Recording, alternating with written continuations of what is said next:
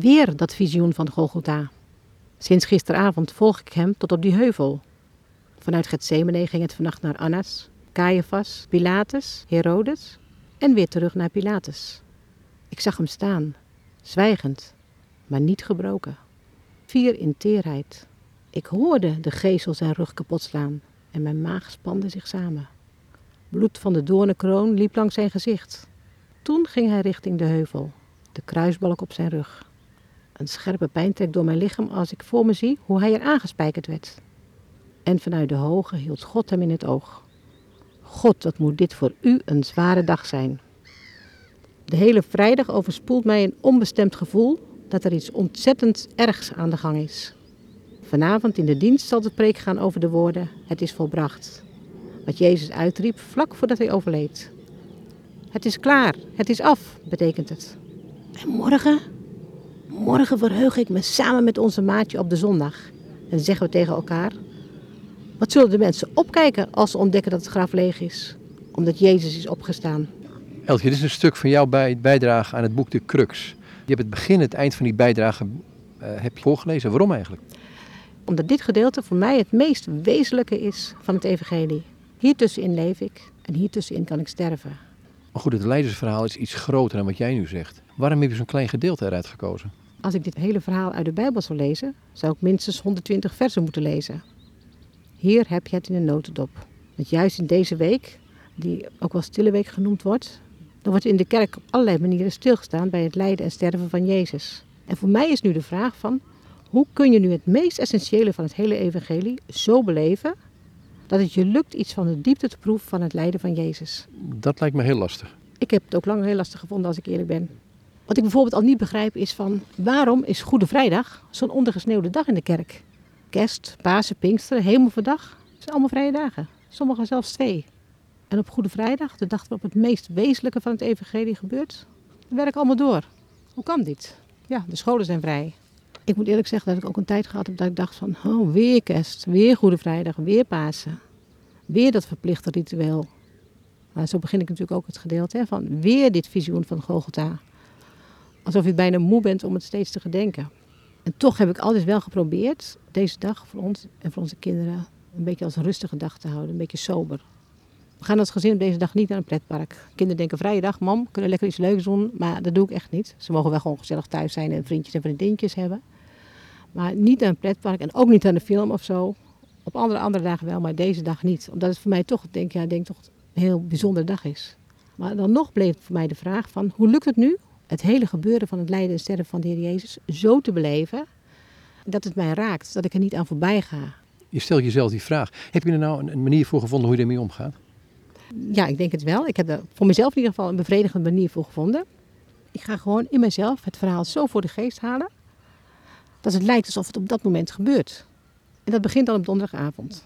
En meestal probeer ik dan ook uh, niet alleen te focussen op de Heer Jezus, niet alleen naar Hem te kijken, maar ook een van de omstanders mee te nemen.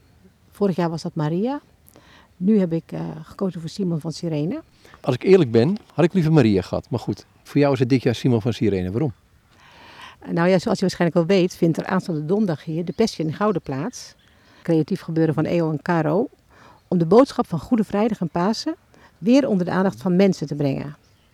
Nou, je kunt ervan denken wat je wilt. Maar als getuigenis wordt een heel groot kruis door de stad gedragen. En toen vroegen de jongeren die mee wilden lopen dit kruis te dragen. Als gevolg van deze vraag hebben wij in ons gezin er al heel veel over gehad. Hoe dat nou is, over de kruisiging, hoe het is om een kruis te moeten dragen.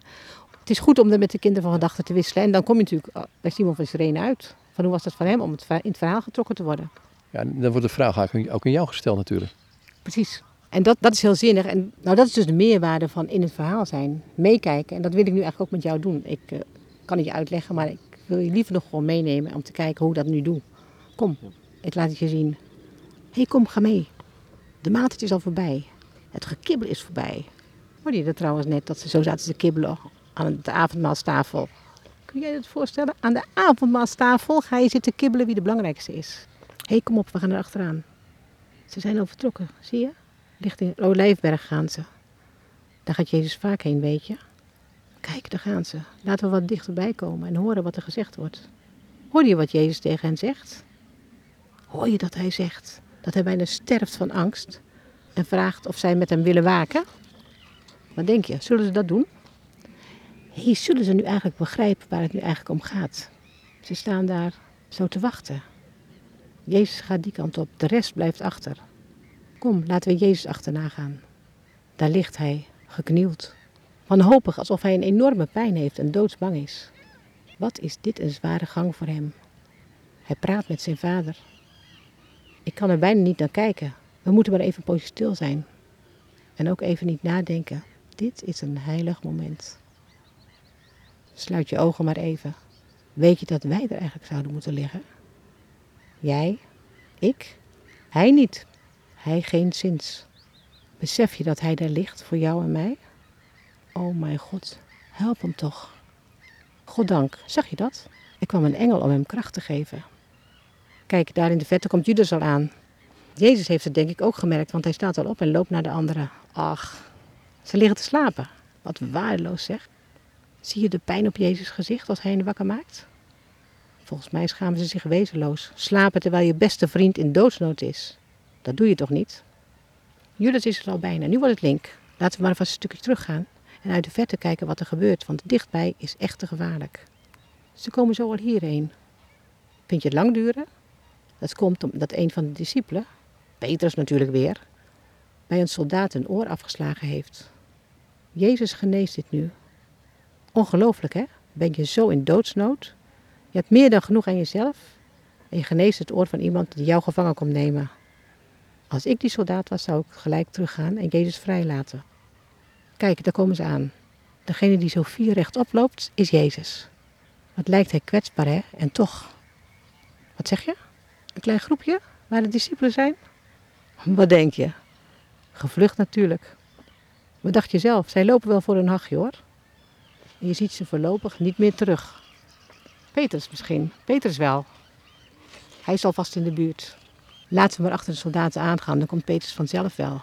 Want ze gaan nu naar het paleis van de hoogpriester Caiaphas. Ik denk dat de gehele Hoge Raad er al zit. Nee, we gaan niet naar de binnenplaats. Is niet verstandig. Stel je voor zeg, straks denken ze dat wij ook nog bij hem horen. Je bent dood voor je het weet. Kijk, Petrus gaat wel naar binnen. Hij wil weten wat er met Jezus gebeurt. Dat komt hem duur te staan straks, want hij gaat Jezus verloochenen. Lekker doen alsof hij hem niet kent. Nooit gezien heeft zelfs. Nee hoor, Jezus? Die man daar? Is dat Jezus? Wie is dat dan? Nooit van gehoord. Bizar hè? Heb je alles opgegeven? Heb je drie jaar geleden alles achtergelaten om Jezus te volgen en dan doe je dit? Zou het toch een uitstekende mogelijkheid geweest zijn om nu te gaan evangeliseren? Goede dingen van de Heer Jezus te gaan vertellen? Dat had misschien nog wel geholpen, maar nee. Je liegt en je brengt en je verzekert mensen ervan dat je Jezus niet kent. Snap jij het nog? Wat zeg je? Oh, je wilt helemaal niet over Petrus nadenken. Hoezo? Komt het zo dichtbij? Verlogen jij Jezus ook zo vaak? We moeten nu trouwens wel een behoorlijke poos wachten. Bijna tot morgenochtend. Wat hier binnen gebeurt is ongelooflijk. Het zijn echt een stelletje sukkels, die lui van de Hoge Raad. Beter de dood van één dan van het hele volk, is de leus van Caiaphas. Dus ze willen Jezus gewoon dood hebben. En wel zo snel mogelijk, want het paasfeest begint. Maar om een goede reden te vinden is natuurlijk erg lastig. Want wat voor kwaad is er in iemand die alleen maar goed kan doen? Eerst wordt Jezus ondervraagd door Annas. Hij is geen hoogpriester hoor. Dat is Caiaphas. Kijk nou, ze slaan Jezus zomaar midden in zijn gezicht. Zag je dat? Onder het toeziend oog van de hoogpriester. Wat een lef zegt. En Caiaphas zegt er niks van. Jammer dat we niet goed kunnen horen wat hij zegt. Alhoewel, volgens mij is hij nu ontzettend kwaad aan het worden. Hij scheurt zelfs zijn kleren. Hoor je wat hij schreeuwt? Jezus heeft God gelasterd. Hij is des doods schuldig, zeggen ze. Nou ziet het er vervelend uit voor de Heer Jezus. Want als je beschuldigd wordt van godslastering, moet je gestenigd worden, zegt de wet van je Mozes. En Jezus staat er maar, zo fier, alsof hij de regie in handen heeft. Ik denk dat hij zich afvraagt wat ze met hem zullen doen. Wat denk je? Zullen ze hem zelf stenigen? Dan moeten ze wel wachten tot na het feest. En dat zullen ze denk ik toch niet doen, maar wat dan? Oh, ik hoor het al. Ze geven hem over aan Pilatus, dan moet die maar over hem beslissen. Wat een lafaard zeg. Wat een stelletje huigelaars. Zullen we vast naar de brug Antonia gaan? Daar is Pilatus op dit moment. Wat er hier verder gebeurt, daar heb je geen goed woord voor over. Dit is niet van God, dit is uit de boze.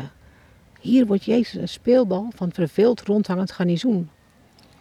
Ze pijnigen hem, trekken hem zijn kleren uit, omhangen hem met purper en kronen hem als een namaakkoning met een doornenkroon. Ze zeulen met hem door het volle centrum van Jeruzalem, van Pilatus naar Herodes en van Herodes naar Pilatus. En nog weet Pilatus niet wat hij moet. Het volk zit hem op de hielen. Pilatus laat hen kiezen wie vrij mag, Barabbas of Jezus. Ze kiezen Barabbas. En Jezus dan, vraagt Pilatus aan het volk. Hoor je wat het volk schreeuwt? Kruisigen, kruisigen. Je zou bijna mee gaan roepen. Wat zeg je? Riep je mee? Kijk, daar gaat Jezus. Tezamen met twee anderen. Hij strompelt door de drukke straten, als een lam onderweg naar het slachthuis. Zijn kruis op zijn schouders. Zijn kruis? Zijn kruis? Heb je in de gaten dat hij met ons kruis loopt te zeulen? Ik durf bijna niet naar hem te kijken. Je kent hem ook bijna niet. Al dat bloed dat langs zijn hoofd loopt. Mijn maag spant zich samen. Heb je daar ook last van? Volgens mij heeft niemand medelijden met hem, alhoewel. Daar staat een groepje vrouwen te huilen. Jezus zegt zelfs nog wat tegen hen voor hij doorloopt. Dat kruis moet toch loodzwaar zijn? Kan niemand hem nou even helpen? Gelukkig, dat vinden de soldaten ook. Daar een man. Hij moet Jezus helpen het kruis te dragen. Simon heet hij. Eigenlijk heeft hij niets met Jezus. Hij is een voorbijganger. Ook bizar. Kom je lekker van je tuintje, kijk je even wat er gebeurt, word je zo het verhaal ingetrokken. En moet je helpen een kruis te dragen. Wij zijn natuurlijk ook net het verhaal ingestapt, maar wij spelen niet mee. Wij zijn toeschouwers. Overigens best wel eng om alleen maar toeschouwer te zijn, want dan hoef je er ook niets mee. Misschien toch ook niet zo gek om van voorbijganger medespeler te worden. Het is voor Simon van Sirene in ieder geval tot zegen geweest, want zijn zoons Alexander en Rufus gaan straks tot de eerste christenen in Rome behoren. Maar kijk, vooralsnog loopt Simon te zeulen met het kruis van Jezus. Een gekke vertoning. Voor Simon en voor Jezus. Wat denk je nou? Zou dit de last van Jezus nu lichter maken? Ze zijn bijna boven op plek van bestemming en zodra je kan gaat Simon er vandoor. Wat wil jij? Wil je blijven of ook weggaan? Kijk, ze zijn al bezig de lichaam aan het kruis te spijkeren. Ik hou mijn oor even dicht. Dit wil ik nooit horen. Eigenlijk wil ik er helemaal niets van weten dat dit moest gebeuren. Dat dit voor mij moest gebeuren. Uiteindelijk kijk ik toch weer. Daar hangt hij, in het midden. Ter linker en ter rechterzijde een misdadiger. Nog is hij niet gebroken. Nog lukt het hem om anderen te zien. De Joodse leiders staan er ook. Zij hebben hun zin. Eindelijk gewonnen. Maar waarom moeten zij nu ze gewonnen hebben nog steeds een spot met hem drijven? Hoor je ze roepen? Anderen heb je gered. Red nu jezelf maar. En als je de zoon van God bent, zal je vader je toch wel helpen. Hoor je dat? Nog spottend met het diepste geloof, door de wereld hem uitgeleiden. Kijk, Marie is er ook. Ze wil dit natuurlijk niet zien, maar ze wil hier ook niet weg. Dit gebeuren, zo onbegrijpbaar. Hoe lang staan we hier eigenlijk al? Weet jij het? Volgens mij was het bijna negen uur toen wij hier aankwamen. Het zal wel net twaalf lopen. Laten we even ergens gaan zitten, want het wordt later en kouder. Straks zal het drie uur donker zijn. Allerdonkerst. Met name voor hem. Hij gaat straks door de hel. Laten we gaan zitten en kijken en luisteren.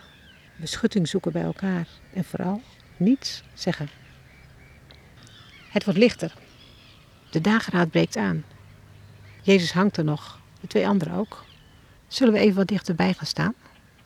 nog één keer tot hem naderen voordat het licht in zijn ogen breekt? Zijn adem stokt al. Hij roept nog wat. Vader, in uw handen beveel ik mijn geest. Zijn hoofd zakt achterover. Het is volbracht.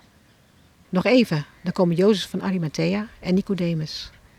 Voorzichtig zullen zij Jezus van het kruis halen. Zijn lichaam balsemen en naar het graf brengen. En dan lijkt het alsof het leven van de Heer Jezus eindigt zoals het begon. Toen hij geboren werd nam Maria zijn lichaam in haar armen, wikkelde hem in doeken en legde hem in een kribbe, een koude voorbak, een holte, een nis misschien wel. Als hij sterft, nemen zijn vrienden zijn lichaam in hun armen, wikkelen hem in doeken en leggen zijn lichaam in het graf. Een holte, een nis in de rotsen. En het lijkt over, voorgoed over en uit. Maar dan, Dan heb ik een vraag. Als je dit zo leest en ik hoor dit en je, je probeert daarbij te zijn, wat, wat doet zoiets jou? ik maak het eigenlijk alleen maar mee. Zo'n hele 24 uur zou ik bijna zeggen. Ben ik daar toch mee bezig. Ik kijk natuurlijk niet constant de kindervragen steeds. Eh, ik slaap ook s'nachts een poosje.